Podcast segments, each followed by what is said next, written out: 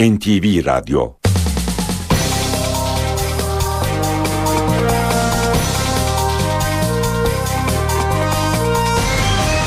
İşe giderken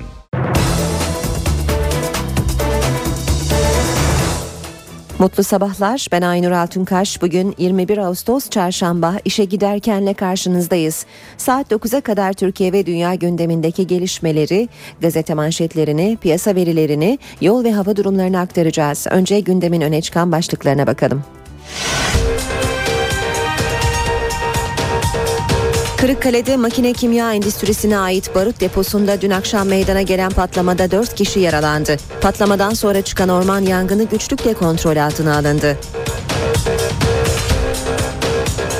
Başbakan Tayyip Erdoğan Mısır'daki darbenin arkasında İsrail olduğunu söyledi. Beyaz Saray sözcüsü Erdoğan'ın açıklamasını kınadıklarını, bu tarz açıklamaların Mısır'daki tehlikeli durumun aşılması için yürütülen diyalog çabalarını baltalayacağını söyledi. CHP Genel Başkanı Kemal Kılıçdaroğlu bugün Bağdat'ta Irak Başbakanı Nuri El Maliki ile görüşecek. Trafikte bugün uyuşturucu testi uygulaması başlıyor.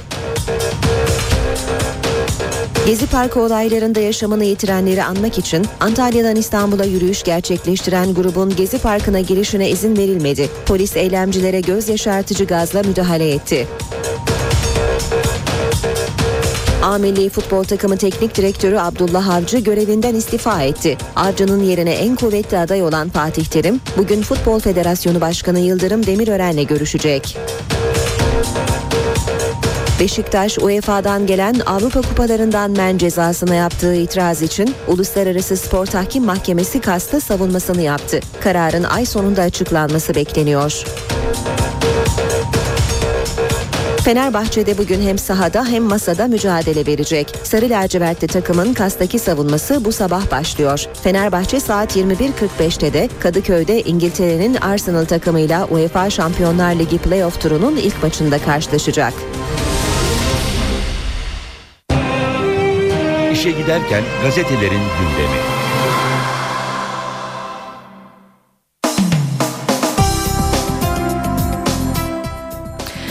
Basın özetlerine Milliyet gazetesiyle başlıyoruz. Sürmanşet arkasında İsrail var. Başbakandan yeni Mısır çıkışı. Mısır'daki gelişmelerde İsrail'in parmağının olduğunu söyleyen Erdoğan buna kanıt olarak 2011 yılında Fransa'da yapılan bir paneli gösterdi. Mısır'da şu an demokrasi sadece sandık değildir mantığının uygulandığını belirten Başbakan Erdoğan arkasında neresi var? İsrail elimizde belgesi var. 2011 seçimleri öncesinde Adalet Bakanı ile Fransa'da sıradan bir entelektüel, o da Yahudi, aynen şu ifadeyi kullanıyorlar. Müslüman kardeşler seçimi kazansa da onlar kazanamayacaktır çünkü demokrasi sandık değildir. Aynı uygulama o dedi. Washington'dan Erdoğan'ı kınıyoruz açıklaması geldi. Beyaz Saray sözcüsü Başbakan Erdoğan'ın sözlerini güçlü bir biçimde kınıyoruz. İsrail'in Mısır'daki olaylarda bir şekilde sorumluluğu olduğunu söylemek saldırgan, delilsiz ve yanlıştır dedi.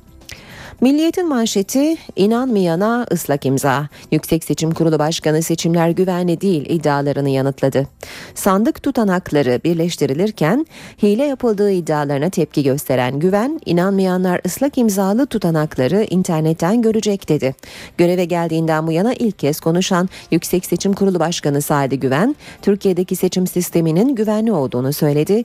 Güven, seçmen kütüklerinin tutanakların birleştirme tutanaklarının şeffaf olduğunu vurgulayarak vurgulayarak sorun bilgi sahibi olmayanların kamuoyunu yanlış bilgilendirmesinde karar aldık kamu spotlarıyla bilgilendireceğiz dedi. Devam edelim yine milliyetten bir başlıkla rutubetsiz ve geniş odada BDP eş başkanı Demirtaş, Abdullah Öcalan'ın İmralı cezaevinde yeni odaya taşındığını açıkladı. Demirtaş 2009'dan beri kaldığı dar hücreden çıktı. İlk getirildiği odaya geçti. Belki üst solunum yolları sorunu çektiği için daha geniş bir yerdir. Özel yer yapıldı, saray yapıldı gibi tartışmalar doğru değil dedi. Hürriyet gazetesiyle devam edelim.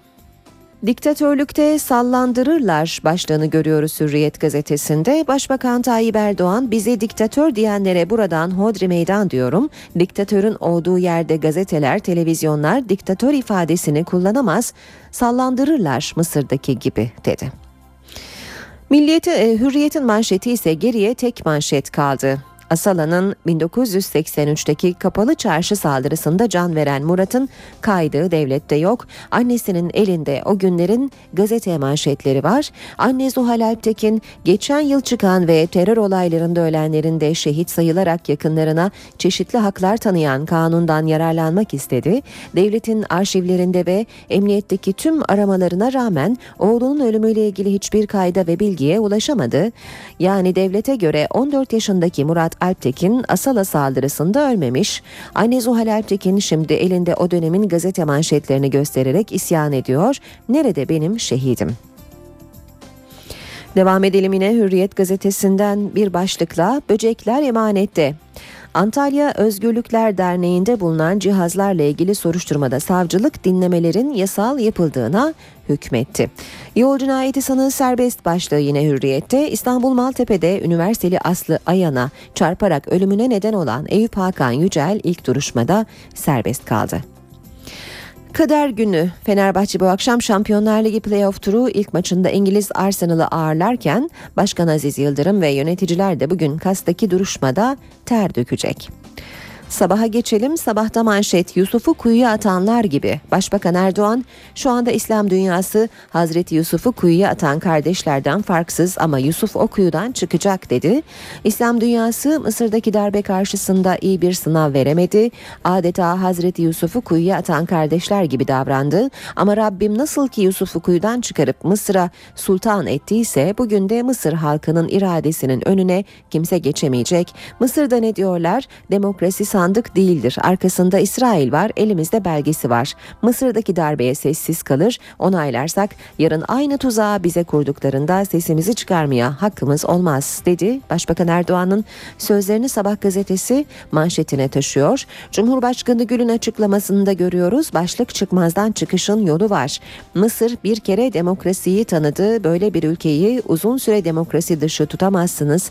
Çıkmazdan çıkış için özgür seçim ortamı yaratılmalı. Kan durmalı, tutuklular bırakılmalı.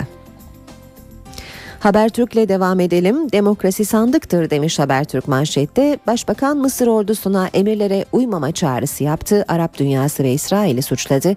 Erdoğan AK Parti il başkanları toplantısında konuştu. Mısır'daki darbenin arkasında İsrail var. Arap dünyasında da bir zengin tabaka var. Bunlar diktatörlere sahip çıkıyor dedi.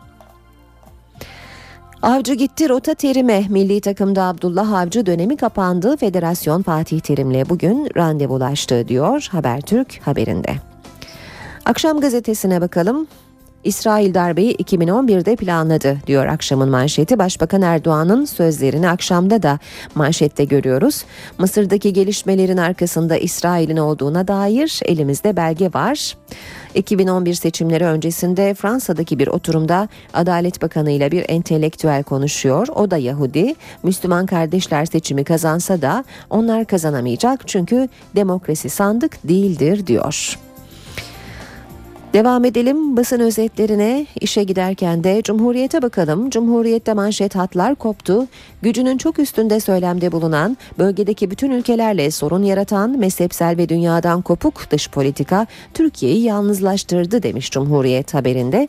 Gül Erdoğan ve Davutoğlu Mısır nedeniyle yalnızlaşan Türk dış politikasına strateji belirlemek için bir araya gelirken e, dışişlerinin eski kadrosundan uyarı geldi. Ali Tuygan, Aydemir Erman, Osman Korutürk ve Şükrü Sina Gürel Ankara'nın taraf politikasından vazgeçmesi gerektiğini vurgulayarak Lübnan, Ürdün ve bölge ülkeleriyle de ilişkilerinin çıkmaza gireceğini belirtti. Bir başka başlık üst düzey protokol. Kılıçdaroğlu Irak'ta. CHP lideri Kılıçdaroğlu 47 kişilik bir heyetle çıktığı 4 günlük Irak ziyaretinde üst düzey protokolle ağırlanıyor. Kılıçdaroğlu, Başbakan Nuri El Maliki, eski Başbakan İbrahim Caferi ve Meclis Dış İlişkiler Komisyonu Başkanı Oman Humendi ile görüştü. Maliki'nin CHP liderine gösterdiği bu üst düzey kabulün arkasında Başbakan Erdoğan'la yaşadıkları görüş ayrılığının payı çok büyük denmiş değerlendirmede Cumhuriyet gazetesinde. Geçelim taraf gazetesine. Sınırdaki atlıların büyük oyunu diyor taraf manşette. Bin haraminin sırrı sonunda çözüldü. Atlı silahlı kaçakçılar sınırda bir anda beliriyor. Asker onlara müdahale ederken diğer bir tarafta binlerce ton akaryakıt Türkiye'ye sokuluyor. İstihbarat raporuna göre kaçakçıları Suriye'deki akaryakıt baronları organize ediyor. Her bir baron halen bu ülkede çatışan grupların ayrı ayrı temsilcileri olarak görev yapıyor. Böcek arandı, mitçi aklandı demiş taraf bir başka başlıkta. Üst düzey bir mitçiyi yargılayan hakimin odasında teşkilat böcek araması yapınca mahkemeden hemen beraat kararı çıktı diyor taraf gazetesi haberinde. Radikalle devam edelim. Devletimize yardım ettik diyor manşeti. Radikal'in Ali İsmail Korkmaz soruşturmasında tutuklanan dördüncü sivil kişi devletin polisine yardım ettik biz düşürdük son tekmeyi polis vurdu dedi. İşte Ebu Bekir Harlar'ın ifadesi. Eli sopalılar bildiğim kadarıyla sivil giyimli polislerdi. Bir polis gelini yakalayın diye bağırdı. Ayağına çelme takarak düşürdüm ancak vurmadım. Ben devletin polisine yardım edeyim diye hamle yaptım. Fırındaki üç kişi vurdular. Bir süre yerde yattı. Polis öldürücü nitelikteki tekmeleri vurduktan sonra şahıs kaçtı. Hayalimiz parktı ama diyor başlık radikalde Fatih Belediye Başkanı Demir bir bostan 3 proje manş, e, manşetine e, yönelik açıklama yapmış radikalde dün bir bostan 3 proje e, manşetiyle çıkmıştı söz konusu haber hayalimiz parktı ancak kamulaştırma sorunları yaşadık bir kısmını imara açtık diyor Fatih Belediye Başkanı. Zaman gazetesine bakalım. Müteahhit bitiremedi. Hastane iki yıldır açılamıyor. Yılda bir milyonun üzerinde hastaya bakan Bakırköy Sadi Konuk Eğitim ve Araştırma Hastanesi'nin ek binası müteahhidin iflasını açıklaması üzerine yarım kaldı. Kliniklerde yer olmadığı için hastalar ameliyat tarihlerini acil servisteki gözlem odasında bekliyor. Geçelim Yeni Şafak gazetesine. Başbakan Erdoğan'ın sözlerini Yeni Şafak'ta da manşette görüyoruz. Arkasında İsrail var başlığıyla yer almış haber. Star gazetesine de bakacağız. Star'da manşet diktatörlük olsa diktatör diyemezsin. Başbakan Erdoğan diktatörlüklerde kimse diktatör kelimesini ağzına alamaz. Gazeteler sabah akşam diktatör kelimesini kullanamaz. Diktatör arıyorsanız gidin o darbeci arkadaşlarınıza bakın dedi. Saat 7.18 NTV Radyo'da işe giderken gündemin ayrıntılarıyla sürüyor. Kırıkkale'de makine kimya endüstrisine ait barut deposunda patlama meydana geldi. Dört kişi hafif şekilde yaralandı. Patlamada etrafa yayılan barut orman yangınına neden oldu. Alevler güçlükle kontrol altına alındı. Barut deposunda patlama oldu. Orman yangını çıktı. Kırıkkale'nin Hasandede beldesinde makine kimya endüstrisine ait barut depolarından birinde bilinmeyen bir nedenle patlama meydana geldi. Çevredeki evlerin camları kırıldı. Patlamayla ormanlık alana saçılan barutlar yangın çıkardı. Bölgeye çok sayıda itfaiye ekibi sevk edildi. Söndürme çalışmalarına Başbakanlık Afet ve Acil Durum Yönetiminden de destek geldi. Alevlerin tehdit ettiği bölgelerde bazı evler boşaltıldı. Binada bir se- şey oldu. Sarsıntı yani sanki böyle 5-6 şiddetinde bir deprem olmuş mu? Böyle bir sallantı oldu. Bir anda bir ışık gördük. Ondan sonra arkasından büyük bir patlama gördük. Kırşehir, Kırıkkale ve Kırıkkale Ankara karayolları bir süre tedbir amaçlı ulaşıma kapandı. Alevler ekiplerin yoğun çabasıyla kontrol altına alındı. Şu anda herhangi bir tehlike söz konusu değil. Tamamen söndürüldü. Soğutma çalışmaları devam ediyor. Araştırmaları e, arkadaşlar yapıyorlar. incelemeler yapılıyor. Bize net ulaşan bir bilgi söz konusu değil. Hafif şekilde yaralanan 4 kişi hastaneye kaldırıldı.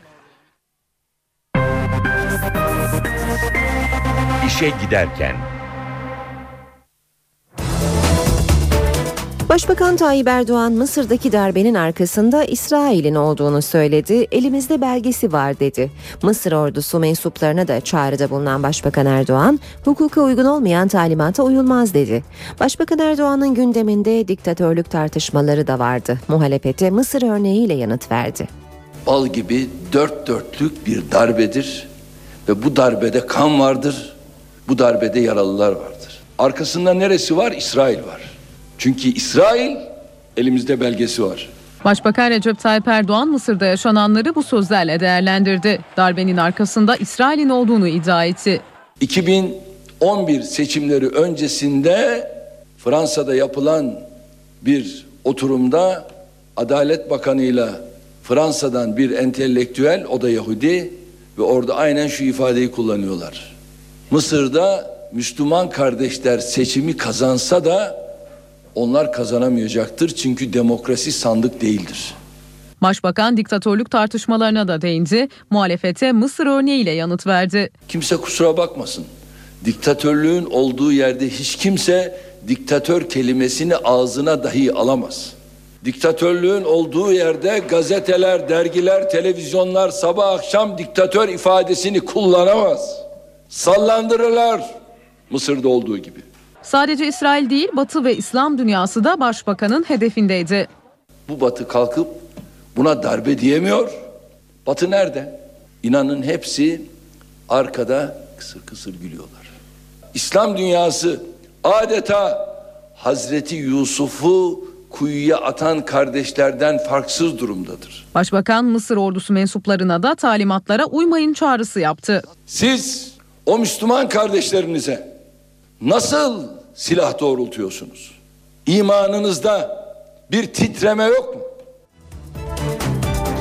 Başbakan Erdoğan'ın sözünü ettiği panele Fransız entelektüel Bernard Henry Levy ve o dönem muhalefet lideri olan İsrail'in şu anki Adalet Bakanı Tzipi Livni görülüyor. Panelde konuşmacılara eğer Müslüman kardeşler seçimi kazanarak meşru şekilde iktidara gelirse siz orduya bunu önleme çağrısı yapar mısınız diye soruluyor.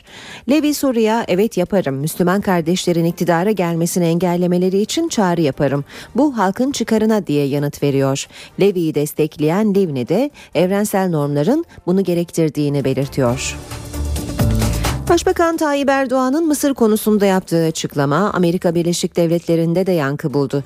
Başbakanın açıklaması Beyaz Saray'ın basın toplantısında gündeme geldi. Beyaz Saray sözcüsü Josh Ernst, Başbakan Erdoğan'ın Mısır'la ilgili yaptığı açıklamayı kınadıklarını söyledi. Sözcü, İsrail'in Mısır'daki gelişmelerden sorumlu olduğunun ima edilmesi rencide edici, asılsız ve yanlış değerlendirmesinde bulundu. Sözcü bu tarz açıklamaların Mısır'daki tehlikeli durumun aşılması için yürütülen diyalog çabalarını baltalayacağını da belirtti.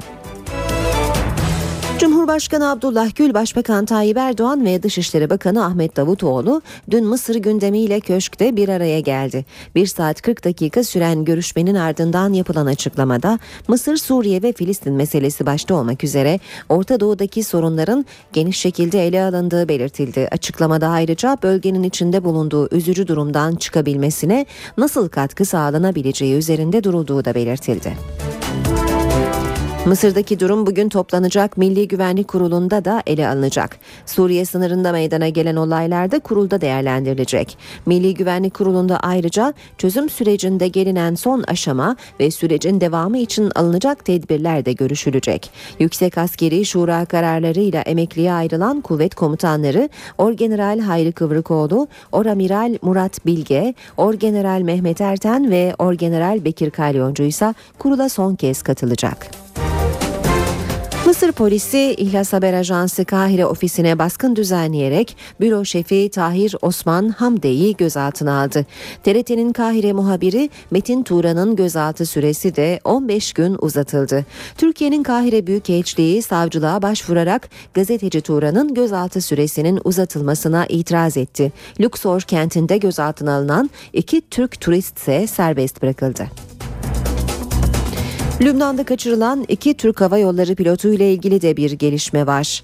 Lübnan Mahkemesi pilotların kaçırılmasıyla bağlantılı 10 kişi hakkında tutuklama emri çıkardı. Açıklamayı Lübnan Mahkemesi'nden bir yetkili yaptı ancak hakkında tutuklama emri çıkarılan şüphelilerin isimleri açıklanmadı. Lübnan Mahkemesi olayla ilgili daha önce 3 kişiyi tutuklamıştı. Yargılanan 13 kişinin büyük bölümünün geçen yıl Azaz'da Suriyeli muhaliflerce kaçırılan Lübnanlı Şiilerin akrabaları olduğu açıklandı. Lübnan'da 9 Ağustos'ta Türk Hava Yolları personelini taşıyan bir servis aracını durduran silahlı kişiler kaptan pilot Murat Akpınar'la yardımcısı Murat Ağca'yı kaçırmıştı. İşe giderken Çözüm sürecinde Kandil'den gelen 1 Eylül'e kadar yasal düzenlemeler yapılsın açıklamasına hükümetten tepki var. Başbakan yardımcısı Beşir Atalay, Kandil'in açıklaması için yanlış yapıyorlar dedi. AK Parti'nin 12. kuruluş yıl dönümü nedeniyle parti genel merkezinde verilen resepsiyona çözüm süreci ve süreçle bağlantılı demokratikleşme paketi damgasını vurdu. Başbakan Yardımcısı Beşir Atalay, Kandil'den gelen yasal düzenlemeler 1 Eylül'e kadar bitmeli açıklamasına tepki gösterdi. Tarih vererek yanlış yapıyorlar. Süreç sorunsuz gidiyor dedi. Atalay yerel seçim sürecinde de yeni büyükşehir belediyelerine ağırlık vereceklerini dile getirdi. Başbakan Erdoğan'ın her hafta sonu bu illere ziyaretler yapacağını söyledi. Başbakan Erdoğan da demokratikleşme paketi konusunda önümüzdeki hafta kurmaylarıyla sorulu cevaplı bir toplantı yapacağını, bunun sonucunda kamuoyuna değerlendirmede bulunacağını dile getirdi. AK Parti'nin kuruluş yıl dönümü resepsiyonunda Mısır'da yaşanan olaylar nedeniyle müzik yayını yapılmadı. Başbakanın kızı Sümeyye Erdoğan'ın da katıldığı resepsiyonda partinin 12 yıllık öyküsünü anlatan bir film de yayınlandı. Erdoğan yaptığı konuşmada yerel seçim sürecine gönderme yaptı. Ülkemizin güzelleştirilmesini, güzelleşmesini istiyorsak bu işin ustası AK Parti'dir. Başbakan konuşmasını Mısır'daki darbe karşıtlarının sembolü haline gelen Rabia Selami ile bitirdi.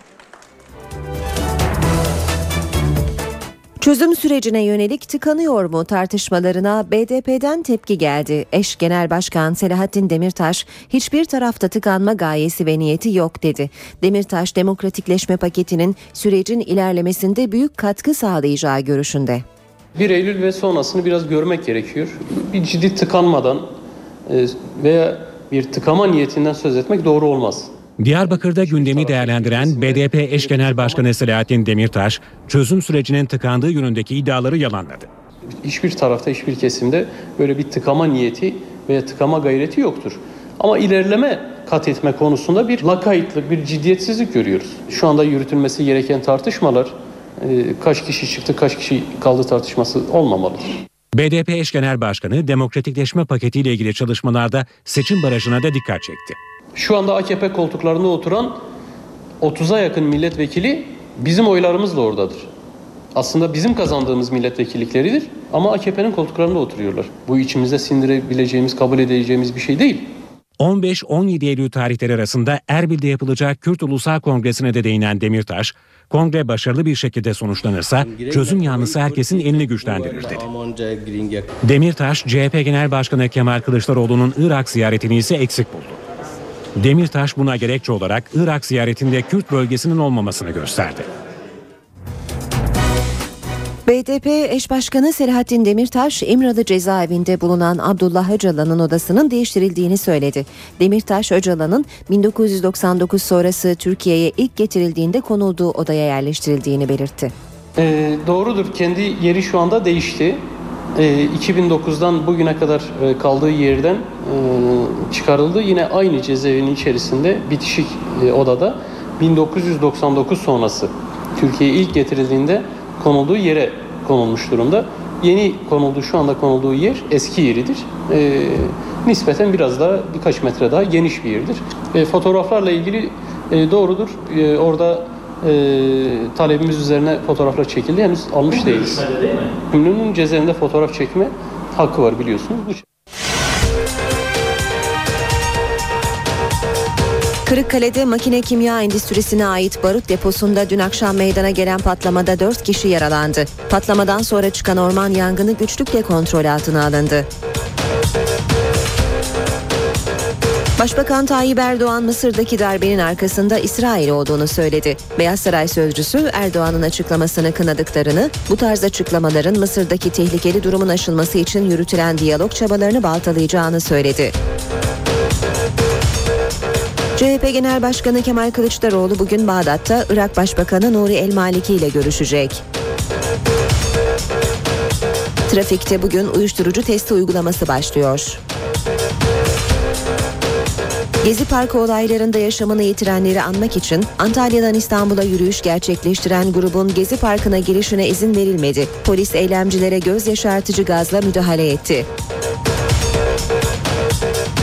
A Milli Futbol Takımı Teknik Direktörü Abdullah Avcı görevinden istifa etti. Avcı'nın yerine en kuvvetli aday olan Fatih Terim, bugün Futbol Federasyonu Başkanı Yıldırım Demirören'le görüşecek. Beşiktaş UEFA'dan gelen Avrupa Kupalarından men cezasına yaptığı itiraz için Uluslararası Spor Tahkim Mahkemesi kastı savunmasını yaptı. Kararın ay sonunda açıklanması bekleniyor. Fenerbahçe'de bugün hem sahada hem masada mücadele verecek. Sarı lacivertli takımın kastaki savunması bu sabah başlıyor. Fenerbahçe saat 21.45'te de Kadıköy'de İngiltere'nin Arsenal takımıyla UEFA Şampiyonlar Ligi playoff turunun ilk maçında karşılaşacak.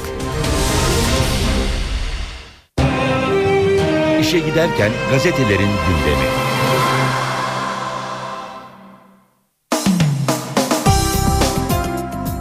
Başbakan Erdoğan'ın partisinin genişletilmiş il başkanları toplantısında yaptığı konuşmalar özellikle e, Mısır'daki gelişmelerle ilgili sözleri pek çok gazetede manşette yer almış. Sabah Yusuf'u kuyuya atanlar gibi diyor. Şu anda İslam dünyası Hazreti Yusuf'u kuyuya atan kardeşlerden farksız ama Yusuf o kıyıdan kuyudan çıkacak. Başbakanın bu sözlerini manşetine taşımış Sabah gazetesi. Mısır'da ne diyorlar? Demokrasi, e, demokrasi sandık değildir. Arkasında İsrail var elimizde belgesi var diyor başbakan. Mısır'daki darbeye sessiz kalır onaylarsak yarın aynı tuzağı bize kurduklarında sesimizi çıkarmaya hakkımız olmaz. Başbakanın sözleri Habertürk'te de manşette demokrasi sandıktır. Başbakan Mısır ordusuna emirlere uymama çağrısı yaptı. Arap dünyası ve İsrail'i suçladı. Erdoğan AK Parti il başkanları toplantısında yaptığı konuşmada Mısır'daki darbenin arkasında İsrail var. Arap dünyasında da bir zengin tabaka var. Bunlar diktatörlere sahip çıkıyor dedi. Akşamda da İsrail darbeyi 2011'de planladı başlığı manşette. Başbakan Erdoğan Mısır'da uygulanan senaryoyu açıkladı diyor gazete. Mısır'daki gelişmelerin arkasında İsrail'in olduğuna dair elimizde belge var. 2011 seçimleri öncesinde Fransa'daki bir oturumda Adalet Bakanı ile bir entelektüel konuşuyor. O da Yahudi. Müslüman kardeşler seçimi kazansa da onlar kazanamayacak. Çünkü demokrasi sandık değildir diyor. Yeni Şafak gazetesinde de manşette görüyoruz başbakanın sözlerini arkasında İsrail var. Erdoğan Mısır'daki darbenin arkasında İsrail'in olduğunu söyledi derken şöyle sürdürüyor haberini. İsrail Adalet Bakanı Livni ile Mısır e, şey Frans e, düzeltiyorum Fransız Siyonist Bernard Henry Levy'nin katıldığı bir toplantıya atıf yapan Erdoğan Levy'nin ihvan seçimi kazansa da kazanamayacak sözlerine dikkat çekti deniyor Yeni Şafak'ın haberinde. Milliyet gazetesi manşette inanmayana ıslak imza demiş. Yüksek Seçim Kurulu Başkanı seçimler güvenli değil iddialarını yalanladı. Sandık tutanakları birleştirilirken hile yapıldığı iddialarına tepki gösteren Güven inanmayanlar ıslak imzalı tutanakları internetten görecek dedi. Göreve geldiğinden bu yana ilk kez konuşan Yüksek Seçim Kurulu Başkanı Sadi Güven, Türkiye'deki seçim sisteminin güvenli olduğunu söyledi. Hürriyette manşet geriye tek manşet kaldı. Oğlumun kaydını devlet bulsun. Asala'nın 1983'teki kapalı çarşı saldırısında can veren Murat'ın kaydı devlette yok. Annesinin elinde o günlerin gazete manşetleri var. Yani devlete göre 14 yaşındaki Murat Alptekin Asala saldırısında ölmemiş. E, anne Zuhal Alptekin şimdi elinde o dönemin gazete manşetlerini göstererek isyan ediyor. Nerede benim şehidim? Cumhuriyet gazetesinde manşet hatlar koptu. Gücünün çok üstünde söylemde bulunan, bölgedeki bütün ülkelerle sorun yaratan, mezhepsel ve dünyadan kopuk dış politika Türkiye'yi yalnızlaştırdı demiş Cumhuriyet gazetesi. Haberinde ve e, Dışişleri'nin eski kadrosundan uyarı geldiği belirtiliyor. Haberin ayrıntılarında Ali Tuygan, Aydemir Erman, Osman Korutürk ve Şükrü Sina Gürel Ankara'nın taraf politikasından vazgeçmesi gerektiğini vurgulayarak Lübnan, Ürdün ve bölge ülkeleriyle de ilişkilerinin çıkmaza gireceğini belirtti şeklinde sürdürüyor haberini Cumhuriyet. Zaman gazetesinde manşet müteahhit bitiremedi hastane iki yıldır açılamıyor.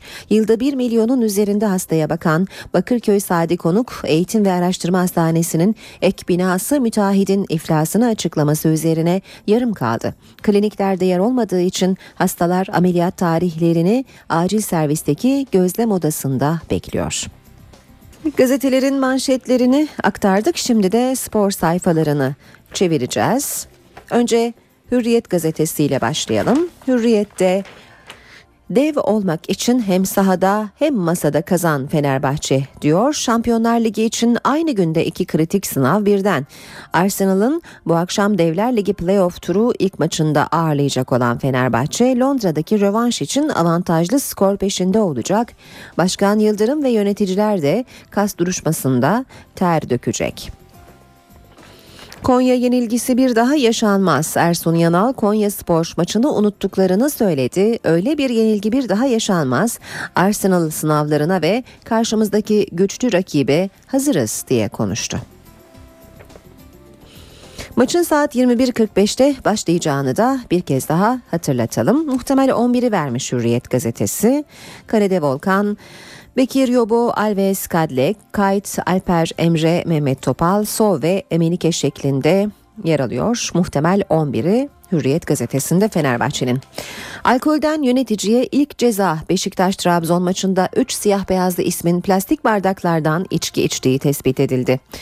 Olimpiyat Stadı VIP tribününde alkol tükettiği belirlenen Beşiktaş Yönetim Kurulu üyesi e, Yalçın Kaya Yılmaz, Genel Sekreter Metin Albayrak ve Genel Koordinatör Gökhan Sarı hakkında tutanak tutuldu deniyor haberin ayrıntılarında. En akıllı imza başlığıyla devam edelim. Beşiktaş Vodafone şirketiyle tarihi sözleşmeyi tablet üzerinden yaptı. Uzun vadeli sponsorluk anlaşması siyah beyazlı kulüp adına atılan büyük bir hamle oldu.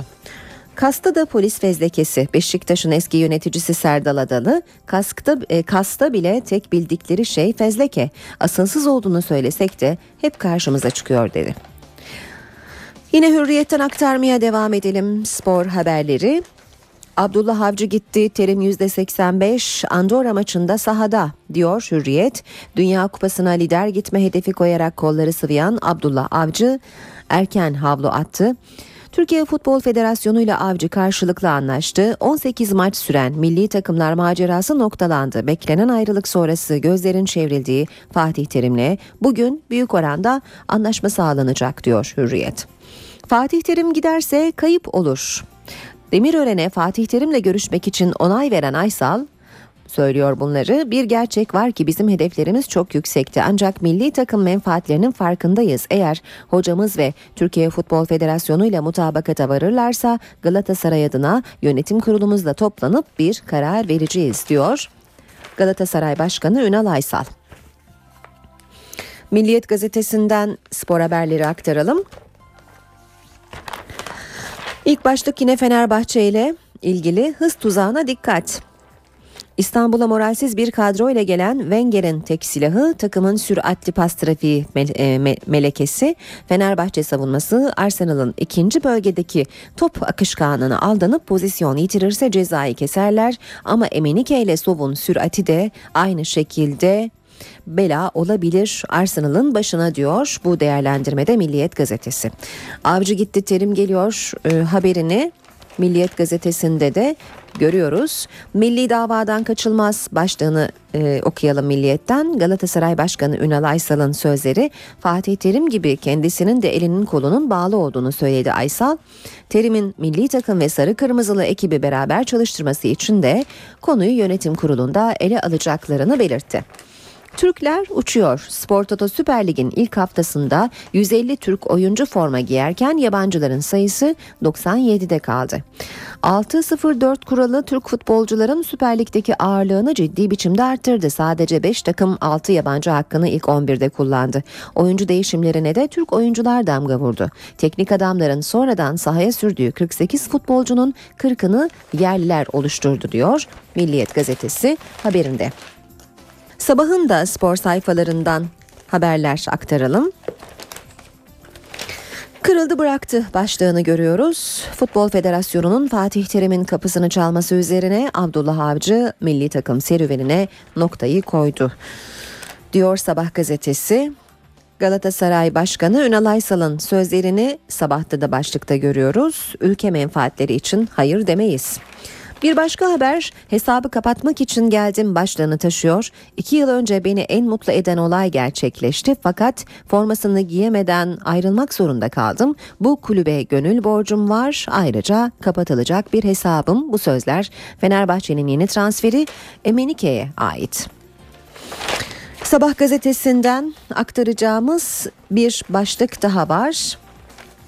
Kastıran fezleke. Kas Beşiktaş'ın dün 12 saatlik savunmasında UEFA Disiplin ve Tahkim Komitesi gibi polis fezlekesini esas aldı. Bu durum siyah beyazlı kulübün kulübü savunan hukukçuları umutsuzluğa itti deniyor ve kararın 30 Ağustos'ta açıklanacağı ifade ediliyor Sabah gazetesinde. Gazetelerden başlıklar aktardık. Gündemdeki gelişmelere yakından bakmaya devam edelim. İşe giderken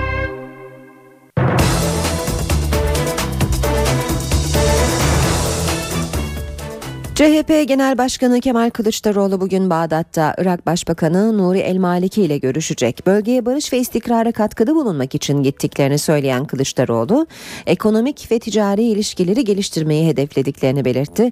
Kılıçdaroğlu, başkanlığındaki heyet için alınan geniş güvenlik önlemleri de dikkat çekti. Biz bölgede barış ve istikrara katkıda bulunmak istiyoruz.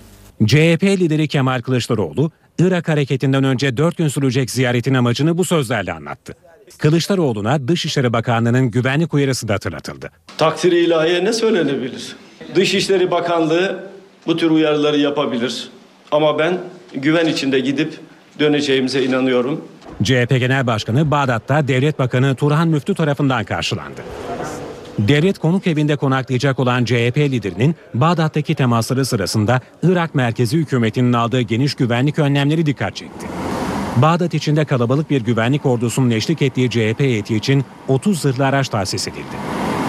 Kılıçdaroğlu ile Irak Başbakanı Nuri El Maliki görüşmesi çarşamba günü gerçekleşecek. CHP lideri daha sonra Maliki'nin onuruna vereceği akşam yemeğine katılacak. Aynı gün eski Başbakan İbrahim Caferi ile de bir araya gelecek olan CHP lideri bir düşünce kuruluşunda Türkiye-Irak ilişkileri konusunda sunum yapacak. Perşembe günü Irak Meclisi'nde hitap edecek olan CHP lideri Necef ve Kerkük kentlerini de ziyaret edecek, Sünni ve Şii kanaat önderleriyle görüşmeler yapacak. Diğer yandan Suriye'nin kuzeyinden Irak'a kaçış sürüyor. Irak'ın kuzeyine sığınan Suriyeli Kürtlerin sayısı bir haftada 30 bine ulaştı. Bölgedeki etkinliğini artırmak isteyen bölgesel yönetimin başkanı Mesut Barzani kamplara sığınan Kürtleri ziyaret etti. Suriye'deki Kürtlerin Irak'ın kuzeyine geçişi sürüyor. Bir haftada bölgesel Kürt yönetiminin kontrolündeki bölgeye geçiş yapanların sayısı 30 bine ulaştı. Suriyeli Kürtlerden oluşan sığınmacılar Erbil yakınlarındaki bu çadır kentte yaşıyor. Hepsi El-Kaide bağlantılı El-Nusra cephesinin saldırıları yüzünden evlerini terk etmiş. Kürtlerin kanının akıtılması için fetva çıkardılar. Camilerde Kürtleri öldürmenin helal olduğu yönünde vaazlar veriliyor. Bu yüzden buraya gelmek zorunda kaldık. Suriye'deki Kürtler üzerinde etkisini artırmak isteyen bölgesel Kürt yönetimi başkanı Mesut Barzani de kampı ziyaret etti. Barzani sığınmacılar tarafından sevinç gösterileriyle karşılandı. Kürt sığınmacılar Dicle Nehri'ndeki köprüden geçerek Kuzey Irak'a ulaşıyor. Daha binlercesi yollarda. Son dönemde binlerce Suriyeli sığınmacı buraya geldi. Peşmergeler ve Birleşmiş Milletler'in çabalarıyla kurulan bu kampta 13 bin kişi kalıyor. Erbil'de iki kamp daha var. O kamplarda da 6 bin sığınmacı yaşıyor. Bölgesel yönetim yığmanın önüne geçmek için günlük kota uygulama kararı aldı. Günde en fazla 3 bin mültecinin geçişine izin verileceği bildirildi.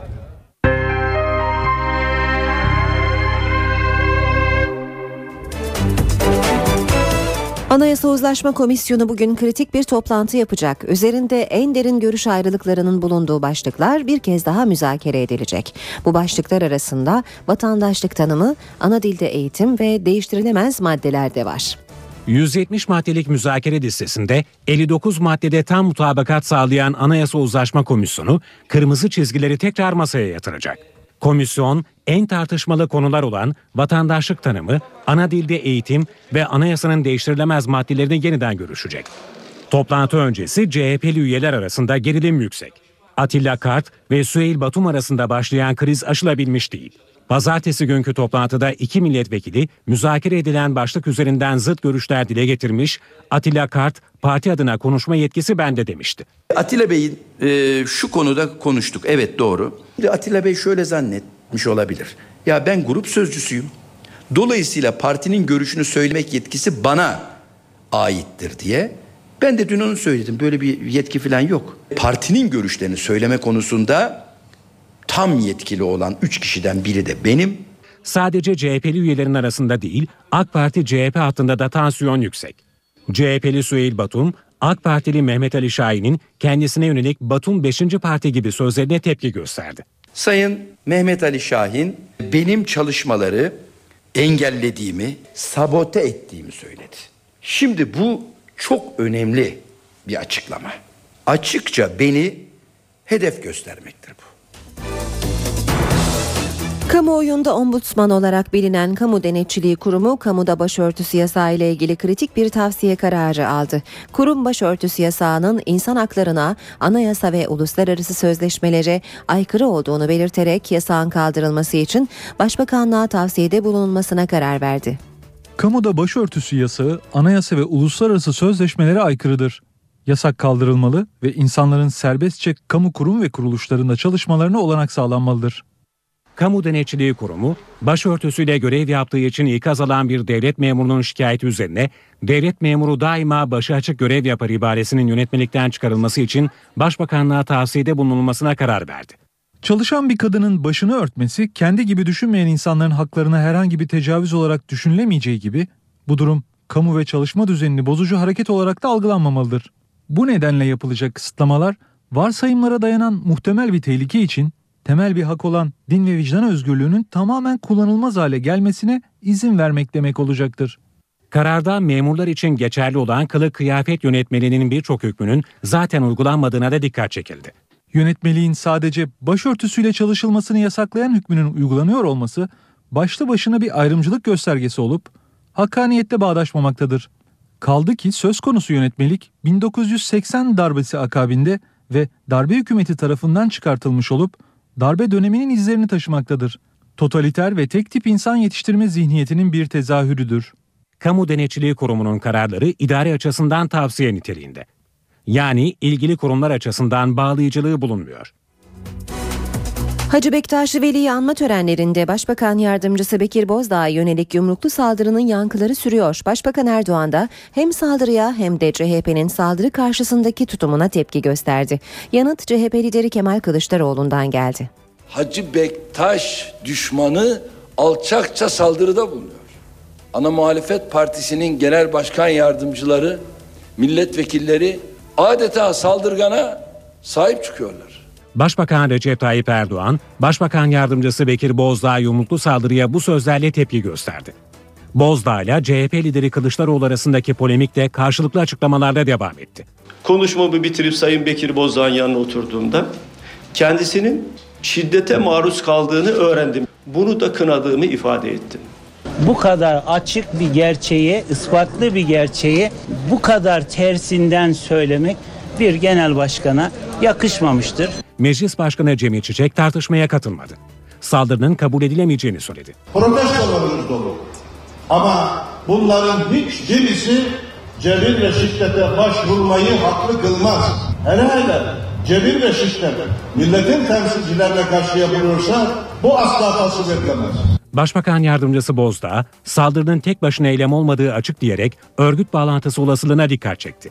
Yasada eksik varsa düzeltilir dedi. Üçüncü yargı paketini e, insan hakları, demokrasi bağlamında toplumumuzun huzur ve barışı için yararlı olacağını inanarak yaptık. Yanlışlar varsa bu yanlışları düzeltmek elbette parlamentonun görevidir. Mahkeme kararına yönelik eleştirilere Hakimler ve Savcılar Yüksek Kurulu yazılı açıklamayla yanıt verdi. Saldırıyı kınayan Yüksek Kurul, hapis cezasının üst sınırı 2 yıldan fazla olmayan suçlarda tutuklama kararı verilemeyeceği hükmünü hatırlattı. Açıklamada bu haliyle eylemin tutuklama yasağı kapsamında olduğu açıktır denildi. NTV Radyo Herkese yeniden günaydın. Yeni saatte hava durumuyla başlayacağız. Gökhan'a buradan son hava tahminlerini alacağız. Önce gündemin başlıklarını hatırlatalım. Kırıkkale'de makine kimya endüstrisine ait barut deposunda dün akşam meydana gelen patlamada 4 kişi yaralandı. Patlamadan sonra çıkan orman yangını güçlükle kontrol altına alındı. Başbakan Tayyip Erdoğan Mısır'daki darbenin arkasında İsrail olduğunu söyledi. Beyaz Saray sözcüsü Erdoğan'ın açıklamasını kınadıklarını, bu tarz açıklamaların Mısır'daki tehlikeli durumun aşılması için yürütülen diyalog çabalarını baltalayacağını söyledi. CHP Genel Başkanı Kemal Kılıçdaroğlu bugün Bağdat'ta Irak Başbakanı Nuri El Maliki ile görüşecek. Trafikte bugün uyuşturucu testi uygulaması başlıyor. Gezi Parkı olaylarında yaşamını yitirenleri anmak için Antalya'dan İstanbul'a yürüyüş gerçekleştiren grubun Gezi Parkı'na girişine izin verilmedi. Polis eylemcilere göz yaşartıcı gazla müdahale etti. A Futbol Takımı Teknik Direktörü Abdullah Avcı görevinden istifa etti. Avcı'nın yerine en kuvvetli aday olan Fatih Terim, bugün Futbol Federasyonu Başkanı Yıldırım Demirören'le görüşecek. Beşiktaş UEFA'dan gelen Avrupa Kupalarından men cezasına yaptığı itiraz için Uluslararası Spor Tahkim Mahkemesi kasta savunmasını yaptı. Kararın ay sonunda açıklanması bekleniyor. Fenerbahçe'de bugün hem sahada hem masada mücadele verecek. Sarı lacivertli takımın kastaki savunması bu sabah başlıyor. Fenerbahçe saat 21.45'te de Kadıköy'de İngiltere'nin Arsenal takımıyla UEFA Şampiyonlar Ligi playoff turunun ilk maçında karşılaşacak. Şimdi hava durumunu konuşacağız. Yanımızda Gökhan Abur var. Günaydın Sayın Abur. Günaydın. Havalar bunaltıcı. Pek çok yerde rüzgar biraz olsun e, bunaltıcılığı önlese de yine sabah ve akşamları e, nem de yüksek olduğu için kimi bölgelerde bunaltıcılık da artıyor ama yağış beklentimiz de var değil mi? Evet doğudaki yağışlar devam ediyor aralıklarla. Ee, Karadeniz'de biraz hafifledi. Ee, Yarın yalnız Rize Artvin arasında olacak. Bugün yine Rize Artvin arasında yağış etkili. Ama bugün aslına bakarsanız Erzurum, Kars, Ardahan, Ağrı, Iğdır arasındaki bölge hatta Van'a kadar olan Van'ın kuzey kesimlerine kadar olan bölgede öğle saatlerinde başlamasını beklediğimiz sağanaklar yer yer kuvvetli olacak. Bölge sakinleri tedbirli ve dikkatli olmalı. Batıda ise rüzgarlar yeniden kuvvetlendi. Özellikle Marmara bölgesinde hatta şöyle söyleyebilirim İnebolu'dan başlayarak Batı Karadeniz bölgesinde ve Kuzey Ege'de Poyraz var. İstanbul Boğaz girişinde öğle saatlerinde hızını 38 ile 42 kilometreye kadar çıkarmasını beklediğimiz Poyraz'ın Çanakkale Boğazı, Gökçeada, Bozcaada arasında yer yer kuvvetli eseceği gözüküyor. İnebolu açıklarında da özellikle Poyraz bir hayli sert. Ee, İzmir ve çevresinde ise rüzgar kuvvetli değil, merkezde kuvvetli değil. Öğle saatlerinde Alaçatı ve özellikle Çeşme civarında yine Poyraz var. Poyraz o bölgede yaklaşık olarak 20-22 kilometre hızla esecek. En azından biraz ferahlık vermeye çalışacak ama Bodrum'da yeniden rüzgarlar kuvvetleniyor. Bugün öğle saatlerinden itibaren yine karayel yönlü rüzgarın yer yer bölgede 30-35 kilometre hızla esmesini bekliyoruz. Akdeniz boyunca rüzgarlar zayıf ve kuzeyli esmeye devam ettiği için bugün de nem oranı Akdeniz boyunca düşük olacak. Ama yarından itibaren rüzgarların güneye dönmesiyle birlikte bölgedeki nem oranı artacak ve bunaltıcılık bir hayli fazla olacak. Tıpkı Marmara'da olduğu gibi Akdeniz'de bulunanlar da yüksek nem ve sıcaklıktan dolayı biraz da olsa bunalacaklar. İç kesimlerde sıcak ve kuru hava etkisini sürdürmeye devam ediyor. İç Anadolu bölgemiz uzun zamandır yağış almıyor. Tabi bu da çiftçiler ve üreticiler için oldukça zor anlar yaşamalarına sebep olabiliyor. Batıda ise Ege'de de yağışlar e, zaman zaman çok kısa sürelerle yağmıştı ama yarından itibaren doğudaki yağışlar hafiflerken Özellikle gün içinde İzmir, Manisa, Balıkesir arasında yerel yağış geçişleri bekliyoruz. Fakat gece saatlerinden itibaren ve özellikle Cuma günü Muğla, Aydın, Denizli, Uşak arasındaki sağanakların yer yer kuvvetli olacağı gözüküyor ki bunlarla ilgili bilgileri size yarın daha geniş olarak vermek istiyorum ama şimdiden Bölgede bulunanlar tedbirli olsunlar çünkü bu kısa süreli sağanaklar havanın çok sıcak olması, nemin yüksek olmasından dolayı yer yer su baskınlarına sebep olabilecek düzeye çıkabiliyor. Evet bizlere bekleyen hava koşulları genelde böyle. Sağanak dediniz e, bir soru daha yöneltelim. Çok merak ediliyor. Özellikle İstanbul'da hava çok bunaltıcı yüksek nem sebebiyle e, yağmur beklentisi var mı? Önümüzdeki günler için yok. Neden yok? Çünkü Poyraz var. Poyraz aslına bakarsan e, biraz soğuk ve kuru bir havadır. Fakat e, işte çok kuvvetli esmemesinden dolayı nemi arttırıyor. Nem hı hı. bulutlanmayı biraz arttırıyor fakat yukarı seviyelerde de hava daha soğuk değil. O bakımdan aşağısı sıcak, yukarısı sıcak. Dolayısıyla yağış bırakmıyor. Şartlar oluşmadı Ama yani. Poyraz'ın bir özelliği var. E, bu şekilde estiği işinde tabii e, deniz suyu sıcaklıkları biraz e, ısınmaya başladı. Yani çünkü yüksek basın şu anda Balkanlar üzerinde ama denizin bu şekilde hızlı ısınması ve e, ısınmaya devam etmesi özellikle önümüzdeki günlerde e, kıyı kesimlerinde sağanakların çok etkili olabileceğini bir göstergesi. Hı hı. Ama şu an için İstanbul ve Marmara'da yağış gözükmüyor. Peki, en azından önümüzdeki hafta başına kadar yok. Gökhan Abuş bizimleydi. İşe giderken gazetelerin gündemi.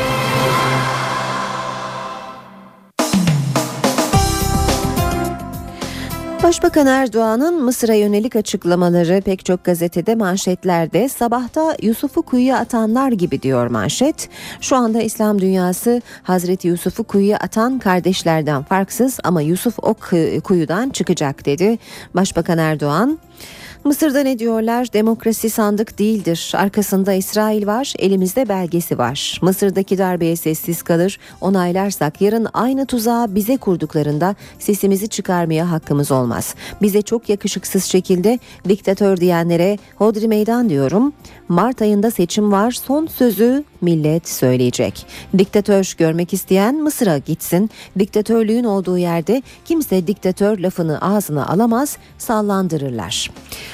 Başbakan Erdoğan'ın sözlerini okuduk e, sabah gazetesinden. Star'da da yine bu sözler manşette diktatörlük olsa diktatör diyemezsin. Başbakan Erdoğan diktatörlüklerde kimse diktatör kelimesini ağzına alamaz. Gazeteler sabah akşam diktatör kelimesini kullanamaz. Diktatör arıyorsanız gidin o darbeci arkadaşlarınıza bakın dedi. Habertürk'te de başbakanın sözlerini görüyoruz. Demokrasi sandıktır şeklinde manşeti Habertürk'ün. Başbakan Mısır ordusuna emirlere uymama çağrısı yaptı. Arap dünyası ve İsrail'i suçladı. Erdoğan AK Parti il başkanları toplantısında konuştu. Mısır'daki darbenin arkasında İsrail var. Arap dünyasında da bir zengin tabaka var. Bunlar diktatörlere sahip çıkıyor dedi. Yine Habertürk'ten bir başlık Avcı gitti, rota terime. Milli takımda Abdullah Avcı dönemi kapandı. Federasyon Fatih Terim'le bugün randevulaştı. Akşam gazetesinde manşet İsrail darbeyi 2011'de planladı. Başbakan Erdoğan Mısır'da uygulanan senaryoyu açıkladı diyor. Akşam gazetesi de haberinde aynı haberi Yeni Şafak gazetesinde de manşette görüyoruz arkasında İsrail var şeklinde Erdoğan Mısır'daki darbenin arkasında İsrail'in olduğunu söyledi. İsrail Adalet Bakanı Livni ile Fransız Siyonist Bernard Henry Levy'nin katıldığı bir toplantıya atıf yapan Erdoğan, Levy'nin ihvan seçimi kazansa da kazanamayacak sözlerine dikkat çekti diyor Yeni Şafak gazetesi. Devam edelim basın özetlerine, milliyete bakalım. İnanmayana ıslak imza. Sandık tutanakları birleştirilirken hile yapıldığı iddialarına tepki gösteren Yüksek Seçim Kurulu Başkanı Sadi Güven, inanmayanlar ıslak imzalı tutanakları internetten görecek dedi.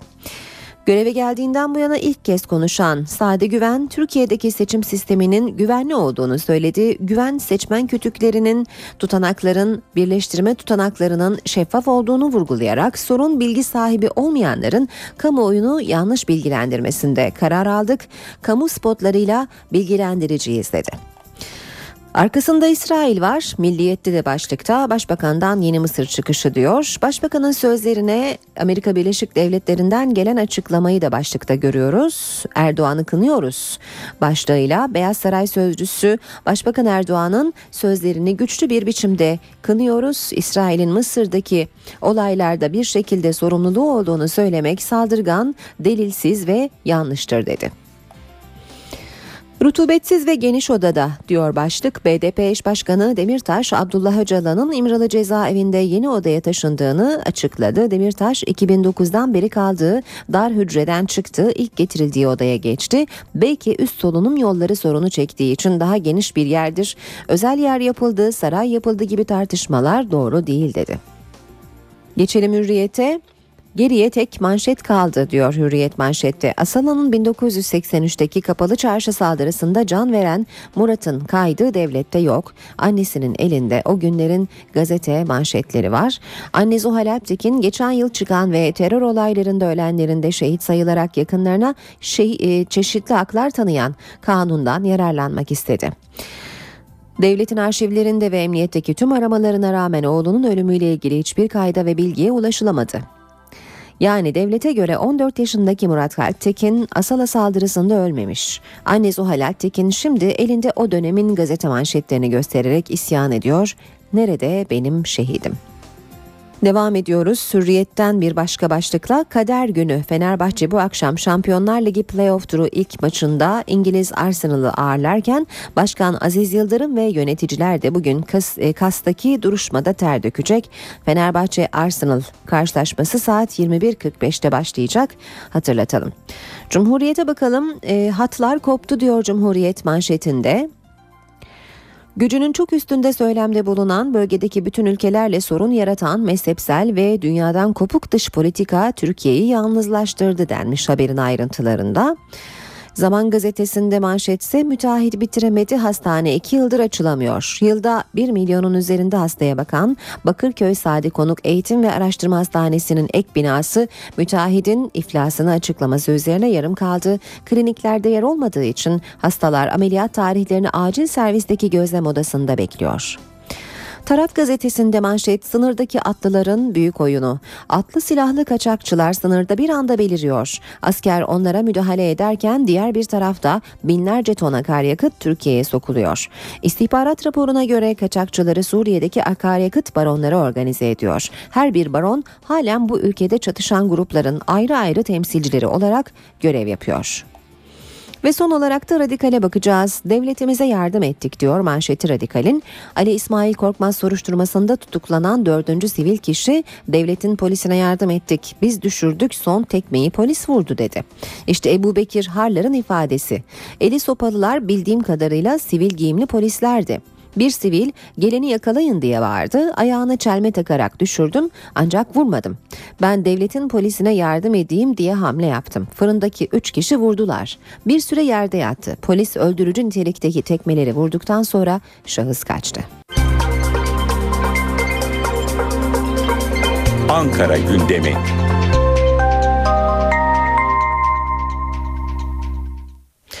Başkent gündemiyle bu bölüme başlıyoruz saat 8.20. Karşımızda NTV muhabiri Ercan Gürses var. Ercan günaydın. Günaydın Aynur. Yine yoğun bir gündemi var başkentin. Neler olacak bize aktarır mısın? Aynur bir numaralı gündem Milli Güvenlik Kurulu. Saat 14'te Cumhurbaşkanı Abdullah Gül başkanlığında toplanacak Milli Güvenlik Kurulu'nda Mısır konusu ele alınacak. Mısır'la ilgili son gelişmeler, Türkiye'nin girişimleri, uygulayabileceği yaptırımlar tek tek değerlendirilecek. Aynı zamanda dış temaslar ele alınacak. Türkiye'nin darbe konusunda özellikle Avrupa Birliği ve Amerika Birleşik Devletleri'ni sert bir şekilde eleştirdiğine tanık olmuştuk. Bu bunların nezdinde yapılacak girişimler değerlendirilecek. Türkiye'nin Kahire Büyükelçisi Hüseyin Avni Botsalı bir haftadır Ankara'da ve onun Ankara'da verdiği briefingler ve bilgiler doğrultusunda toplantıda gelişmeler yaşanabilir. Toplantıda yapılacak açıklama Milli Güvenlik Kurulu'nda alınan kararların bir bölümünü yansıtabilir. Onu söylemekte yarar var. Toplantıda çözüm sürecinin de değerlendirilmesi bekleniyor. Milli Güvenlik Kurulu toplantının bir diğer özelliği de 30 Ağustos'ta emekli olacak Kara, Deniz ve Hava Kuvvetleri ile Jandarma Genel Komutanı'nın toplantıya son kez katılacak olmaları. Bugün Ankara'da çok rastlanmayan bir şey de olacak. 3 kuvvet komutanı ve bir jandarma genel komutanı veda ziyaretinde Cumhurbaşkanı Abdullah Gül ve Başbakan Erdoğan'a gelecekler. Başbakanlık konutu ve Çankaya Köşkü'ne gidecekler. Veda ziyaretinde bulunacaklar. Tabii onların yapacağı bu veda ziyareti aynı zamanda Başbakan Erdoğan'ın revize ettiği demek daha doğru olacak. Bir programıyla da ilgili. Daha önce Başbakan Erdoğan'ın bu hafta devir teslim törenlerine katılacağı belirtilmişti. O devir teslim törenlerine katılmayacak Başbakan. O toplantıların protokoller bir toplantı oldu. Sadece askeri protokolün katılacağı belirtilmişti. Bu nedenle Başbakan devir teslim törenleri yerine önümüzdeki hafta e, Harp Akademileri Komutanlığı'nın İstanbul'daki törenine katılacak. Bunu da hatırlatmakta yarar var. Ankara'nın diğer günden başlığı, önemli günden başlığı yeni anayasa. Anayasa Uzlaşma Komisyonu bugün de toplanıyor ama bugünkü toplantı biraz farklı. Tartışılan maddeler görüşülecek bu toplantıda. O maddelerin başında da uzlaşılamayan maddelerin başında da anayasanın değiştirilemez maddeleri ana dilde eğitim konusunda BDP'nin önerisi gibi konular var. Vatandaşlık tanımı var. CHP'li üyelerin bazılarının kendi aralarında olduğu iddia edilen tartışmalar ve CHP ile AK Parti üyeleri arasındaki tansiyon da ön plana çıkacak. Bu toplantı son derecede önemli. Dışişleri Bakanı Ahmet Davutoğlu'nun bugün Berlin ziyareti var. Dışişleri Bakanı'nın gündeminde Mısır var. Berlin ziyaretinde de bu konunun ele alınması söz konusu olabilecek. Tabi Ankara'da meclis gündeminde de son olarak bahsedeceğimiz basın toplantıları var. MHP Grup Başkan Vekili Oktay Vural, MHP Ankara Milletvekili Özcan Yeniçeri ve CHP Sözcüsü Haluk Koç da bugün basın toplantısı yapacaklar. Gündem başlıkları bunlar Aynur. Ercan teşekkür ediyoruz. Kolay gelsin. Bir de sıcak gelişmeyi aktaralım. Suriye Genel Devrim Konseyi Esad güçlerinin Şam'ın Doğu Guta banyosuna kimyasal silahlarla saldırdığını ve saldırıda çok sayıda kadın ve çocuğun hayatını kaybettiğini ileri sürdü. Tekrarlayalım. Suriye Genel Devrim Konseyi Esad güçlerinin Şam'ın Doğu Guta banyosuna kimyasal silahlarla saldırdığını ve saldırıda çok sayıda kadın ve çocuğun hayatını kaybettiğini ileri sürdü. Ayrıntılar elimize ulaştıkça sizlerle paylaşacağız.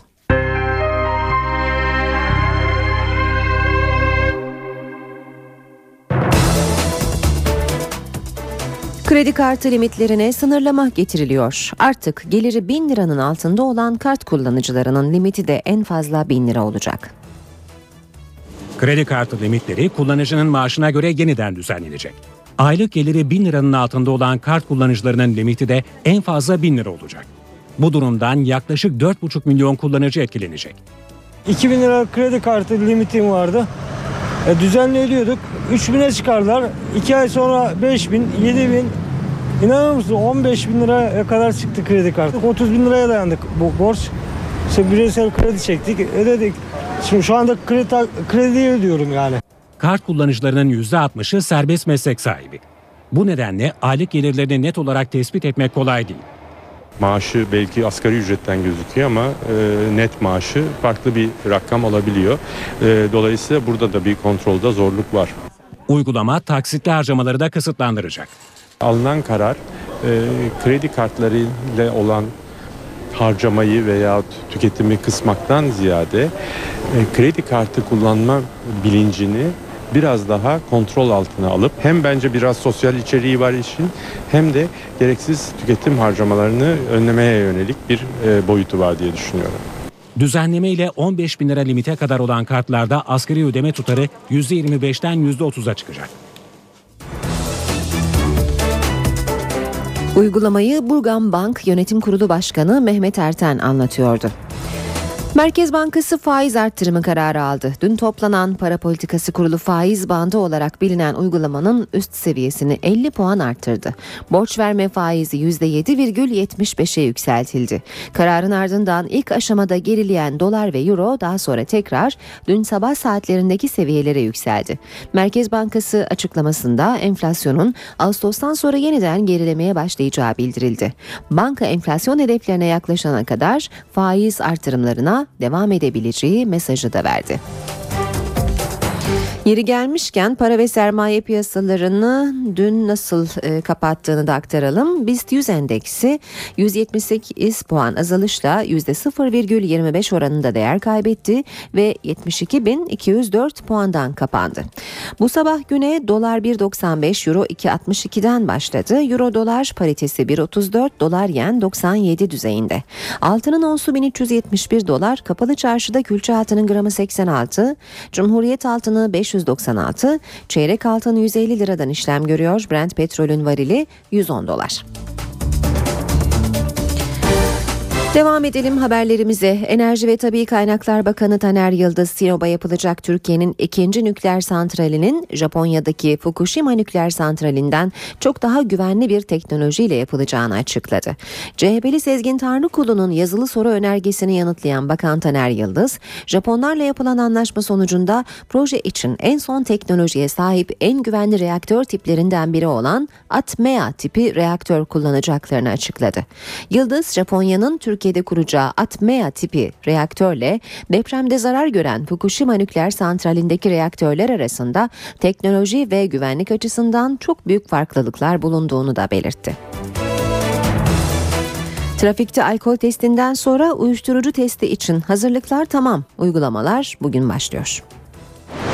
Trafikte uyuşturucu denetimi başlıyor. uyuşturucu madde, Uyuşturucu test cihazı İstanbul Trafik Şube Müdürlüğü'nde düzenlenen basın toplantısında tanıtıldı.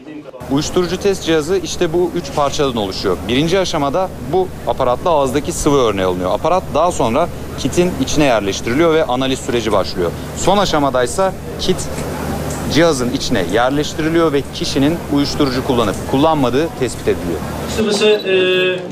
Testin tamamlanması yaklaşık 10 dakika sürüyor. Alkol gibi sürekli olarak herkesi kullanma değil. E, bizim açımızdan bunu e, kullanmamızı ihtiyaç hissettiğimiz durumlarda e, kullanacağız. Şahsın e, uyarıcı ve uy- uyuşturucu maddeyle ilgili bir teste e, tabi tutmadan önce mesela bir e, alkol testine tabi tutuyorsunuz. Alkollü insan semptomları var fakat alkol çıkmıyorsa bu, bu takdirde e, uyuşturucu testine e, tabi tutmayı e, şu anda uygulamamızda yapacağımız şekil bu. Sürücünün uyuşturucu kullandığı tespit edilirse 3600 lira para cezası kesilecek ve ehliyetine 5 yıl el konulacak. Ayrıca trafikte alınan örnek ceza suçu delili olarak savcılığa iletilecek. Uyuşturucu test cihazının az da olsa yanılma payı var. Testin doğru sonuç vermediğini düşünenler adli tıp veya devlet hastanesinde test yaptırarak cihazdan çıkan sonuca itiraz edebilecek. Kırıkkale'de makine kimya endüstrisine ait barut deposunda dün akşam meydana gelen patlamada 4 kişi yaralandı. Patlamadan sonra çıkan orman yangını güçlükle kontrol altına alındı. Başbakan Tayyip Erdoğan Mısır'daki darbenin arkasında İsrail olduğunu söyledi. Beyaz Saray sözcüsü Erdoğan'ın açıklamasını kınadıklarını, bu tarz açıklamaların Mısır'daki tehlikeli durumun aşılması için yürütülen diyalog çabalarını baltalayacağını söyledi. CHP Genel Başkanı Kemal Kılıçdaroğlu bugün Bağdat'ta Irak Başbakanı Nuri El Maliki ile görüşecek. Trafikte bugün uyuşturucu testi uygulaması başlıyor. Gezi Parkı olaylarında yaşamını yitirenleri anmak için Antalya'dan İstanbul'a yürüyüş gerçekleştiren grubun Gezi Parkı'na girişine izin verilmedi. Polis eylemcilere göz yaşartıcı gazla müdahale etti. A Milli Futbol Takımı Teknik Direktörü Abdullah Avcı görevinden istifa etti. Avcı'nın yerine en kuvvetli aday olan Fatih Terim bugün Futbol Federasyonu Başkanı Yıldırım Demirören'le görüşecek. Beşiktaş UEFA'dan gelen Avrupa Kupalarından men cezasına yaptığı itiraz için Uluslararası Spor Tahkim Mahkemesi kasta savunmasını yaptı. Kararın ay sonunda açıklanması bekleniyor. Fenerbahçe'de bugün hem sahada hem masada mücadele verecek. Sarı lacivertli takımın kastaki savunması bu sabah başlıyor. Fenerbahçe saat 21.45'te de Kadıköy'de İngiltere'nin Arsenal takımıyla UEFA Şampiyonlar Ligi playoff turunun ilk maçında karşılaşacak.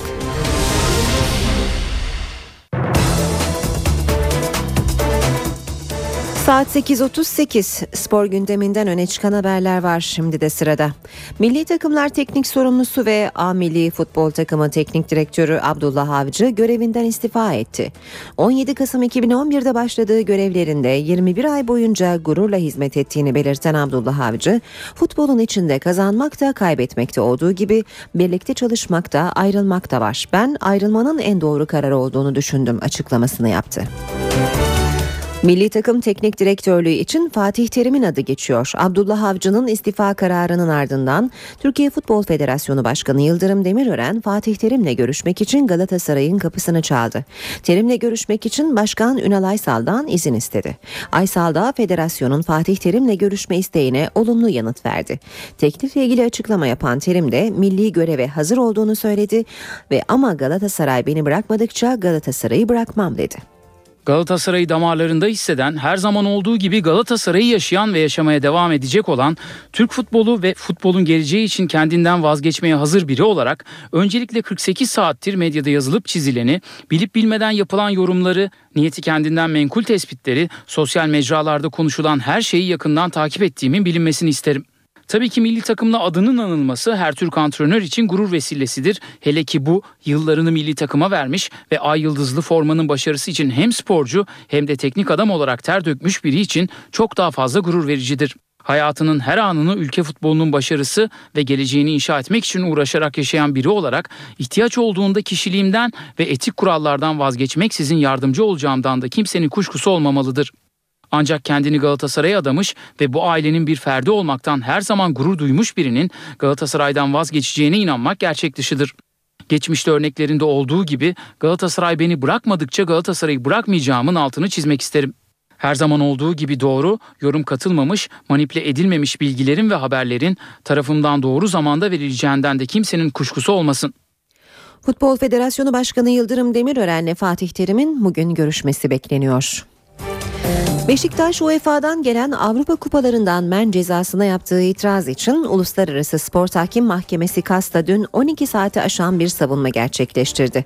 Duruşma sonrası Beşiktaş Kulübü Hukuk İşleri ve Finansmandan Sorumlu Yönetim Kurulu üyesi Melih Sami Esen yaşananları anlattı. Esen, Beşiktaş'ın haklarını en iyi şekilde savunmaya çalıştıklarını dile getirdi. Final duruşmasıydı bu. Bundan sonra gidilecek çok fazla da bir yol yok. Ama kas yetkilileri hakikaten UEFA tahkimde görmediğimiz kadar adil davrandılar. Adil karar vereceklerine inanıyoruz. Şimdiden iyi haber çıkacak, kötü haber çıkacak diye bir şey söylemek mümkün değil. Kararın ne zaman açıklanacağı da biraz tartışma konusu oldu. 28'i mi, 29'u mu, 30'u mu? Ama kas yetkilileri en kısa süre içerisinde bize dönüş yapacaklar. Fenerbahçe de bugün hem sahada hem masada mücadele verecek. Sarı lacivertli takımın Uluslararası Spor Tahkim Mahkemesi'nde iki gün sürecek savunması bu sabah başlayacak ve yarın da devam edecek. Sarı lacivertliler adına Başkan Aziz Yıldırım'ın yanı sıra eski yöneticiler Nihat Özdemir, Ali Koç ve futbolcu İbrahim Akın da Lozan'da yer alacak. Fenerbahçe saat 21.45'te de Kadıköy'de İngiltere'nin Arsenal takımıyla UEFA Şampiyonlar Ligi playoff turunun ilk maçında karşılaşacak. Beşiktaş Kulübü Başkanı Fikret Orman, statlarda siyaset istemiyoruz dedi. Orman, özellikle son dönemde gezi olaylarıyla öne çıkan çarşı grubu ile ilgili de açıklama yaptı. Siyaset bizim işimiz değil. Siyaset siyasetçilerin işi. Ee, tabii ki kitlesel hareketleri bizim engelleme gibi bir durumumuz yok. Ama kendi fikrimizi kulüp olarak söyleyebiliriz. O da şu, biz stadyumumuzda siyaset istemiyoruz. Biz Beşiktaş için atan kalplerin, Beşiktaş için bağıran insanların buluştuğu bir ortam istiyoruz. Beşiktaş Başkanı Fikret Orman, Trabzonspor maçı sırasında statta atılan sloganlarla ilgili konuştu. Çarşı grubu sempatiktir ancak siyaset bizim işimiz değil mesajını yineledi. Kamuoyu biraz gezi olaylarıyla çarşıyı öne çıkarttı ama Çarşı hep çok sempatik bir gruptur. Ama gezi olayları bizi alakadar eden bir şey, olaylar değildir. Onun içerisinde siyaset vardır, polisi olaylar vardır. Bizim işimiz futbol, basketbol, voleybol, tenis, hmm, güreş, boks hepsi bunlar bizim ilgi alanımız. Orman yeni statta kulüp gelirlerinin artacağını da söyledi. Stadyumun esas önemli tarafı tabii ki stadyum bittikten sonraki tribün gelirlerimiz. Onda ise şu andaki gelirimizden yaklaşık 4 kat bir fazla gelir elde edeceğimizi planlayarak e, devam ediyoruz. E, ismi Vodafone Arena olacak. Gelir itibariyle yaklaşık 145 milyon dolarlık bir anlaşmadır. 15 yıllık stadyum e, isim hakkı. İşe giderken Gezi Parkı olaylarında yaşamını yitirenleri anmak için Antalya'dan yola çıkan grubun Taksim'de basın açıklaması yapmasına izin verilmedi. Antalya'dan gelen grubun önü Gümüşsuyu Caddesi'nde kesildi. Polis yürüyüşün izinsiz olduğunu belirterek göstericilerden dağılmalarını istedi. Kalabalık Gezi Parkı'na çıkmak isteyince polis müdahalesi gerçekleşti. Göz yaşartıcı gazın da kullanıldığı müdahale sonucu aralarında BDP milletvekili Ertuğrul Kürkçü ve Antikapitalist Müslümanlar Derneği üyelerinin de bulunduğu eylem eylemciler bölgeden uzaklaştı. Eskişehir'deki Gezi Parkı eylemlerinde dövülerek hayatını kaybeden Ali İsmail Korkmaz için Hatay'da yürüyüş düzenlendi. Eyleme polis müdahale etti. Korkmaz'ın ölümünün 40. gününde mevlit okutan grup daha sonra Sümerler Mahallesi'ne doğru yürüyüşe geçti. Polis kalabalığa dağılmaları konusunda uyarıda bulundu. Ancak eylem devam etti. Polis biber gazı ve tazikli suyla müdahale etti. Göstericiler polisse taş ve havai fişek attı. Bir süre devam eden gerginlik grubun dağılmasıyla sona erdi. Kırıkkale'de makine kimya endüstrisine ait barut deposunda gece meydana gelen patlamadan sorma, sonra orman yangını başlamıştı. Yangın gece söndürüldü ancak soğutma çalışmaları sabaha kadar devam etti. Soğutma çalışmaları şu saatlerde de sürüyor. İtfaiye ekipleri yer yer dumanların yükseldiği yerleri tespit ederek müdahale gerçekleştiriyor. Bir söndürme uçağı da tespit edilen noktalara su boşaltıyor. SBS'de ek yerleştirme sürüyor son tarih 26 Ağustos. Peki adaylar yedek yerleştirmede nelere dikkat etmeli? NTV ekibi araştırdı. Seviye belirleme sınavına giren öğrenciler için heyecan sürüyor. Öğrenciler yedek kontenjandan kazandıkları yeni okullarına kaydoluyor. İstanbul Erkeğin yedek listesine girdim. 45. idim. Ama şimdi e, sıra bana geldi. Çok mutluyuz çünkü bunu çok beklemiştik. Bunu çok istemiştik. Asil kazandığımız okula kaydımızı yaptırdık. Onu bir garantiye aldık. Ondan sonra da bekledik. Zaten hemen ilk yedekte de geldi sıramız. İstanbul İl Milli Eğitim Müdürü Muammer Yıldız, herhangi bir okula kayıt yaptıran öğrencilerin ek kayıt için haklarının devam ettiğini söyledi. Çocuklarımız herhangi bir okula kayıt yaptırdıysa bir üst kontenjanda da ya da üst sıradaki okula da yedek olarak kaydı var. E, bu şekilde okullarda kayışlar olabiliyor. Peki öğrenciler yedek kayıtlarda nelere dikkat etmeli? Eylül'ün 10'u gibi 9-10'u gibi bir yedek yerleşme sistemi daha açacaklar. Dolmayacak okullar. Bu sistem aşikar. O dönemde mutlaka kendi puanlarına yakın veya çok açık kalan okulları tercih etmeye kalksınlar. Oralara yaklaşsınlar. Oradan bir şans doğabilir ama çok büyük bir şans doğacağını söylemem mümkün değil. Yedek kayıtlar 26 Ağustos'a kadar devam edecek. Kamuoyunda ombudsman olarak bilinen Kamu Denetçiliği Kurumu kamuda başörtüsü yasağı ile ilgili kritik bir tavsiye kararı aldı. Kurum başörtüsü yasağının insan haklarına, anayasa ve uluslararası sözleşmelere aykırı olduğunu belirterek yasağın kaldırılması için Başbakanlığa tavsiyede bulunulmasına karar verdi. Kamuda başörtüsü yasağı anayasa ve uluslararası sözleşmelere aykırıdır. Yasak kaldırılmalı ve insanların serbestçe kamu kurum ve kuruluşlarında çalışmalarına olanak sağlanmalıdır. Kamu Denetçiliği Kurumu, başörtüsüyle görev yaptığı için ikaz alan bir devlet memurunun şikayeti üzerine devlet memuru daima başı açık görev yapar ibaresinin yönetmelikten çıkarılması için Başbakanlığa tavsiyede bulunulmasına karar verdi. Çalışan bir kadının başını örtmesi kendi gibi düşünmeyen insanların haklarına herhangi bir tecavüz olarak düşünülemeyeceği gibi bu durum kamu ve çalışma düzenini bozucu hareket olarak da algılanmamalıdır. Bu nedenle yapılacak kısıtlamalar varsayımlara dayanan muhtemel bir tehlike için temel bir hak olan din ve vicdan özgürlüğünün tamamen kullanılmaz hale gelmesine izin vermek demek olacaktır. Kararda memurlar için geçerli olan kılık kıyafet yönetmeliğinin birçok hükmünün zaten uygulanmadığına da dikkat çekildi. Yönetmeliğin sadece başörtüsüyle çalışılmasını yasaklayan hükmünün uygulanıyor olması başlı başına bir ayrımcılık göstergesi olup hakkaniyette bağdaşmamaktadır. Kaldı ki söz konusu yönetmelik 1980 darbesi akabinde ve darbe hükümeti tarafından çıkartılmış olup darbe döneminin izlerini taşımaktadır. Totaliter ve tek tip insan yetiştirme zihniyetinin bir tezahürüdür. Kamu Denetçiliği Kurumu'nun kararları idare açısından tavsiye niteliğinde. Yani ilgili kurumlar açısından bağlayıcılığı bulunmuyor. Bu haberle işe giderken sona eriyor. Gelişmelerle saat başında yine birlikte olacağız. Editör masasında Safiye Kılıç, teknik masada Ceyhun Hoşol, Emre Köseoğlu ve ben Aynur Altunkaş. Mutlu bir gün geçirmenizi diliyoruz. Hoşçakalın. NTV Radyo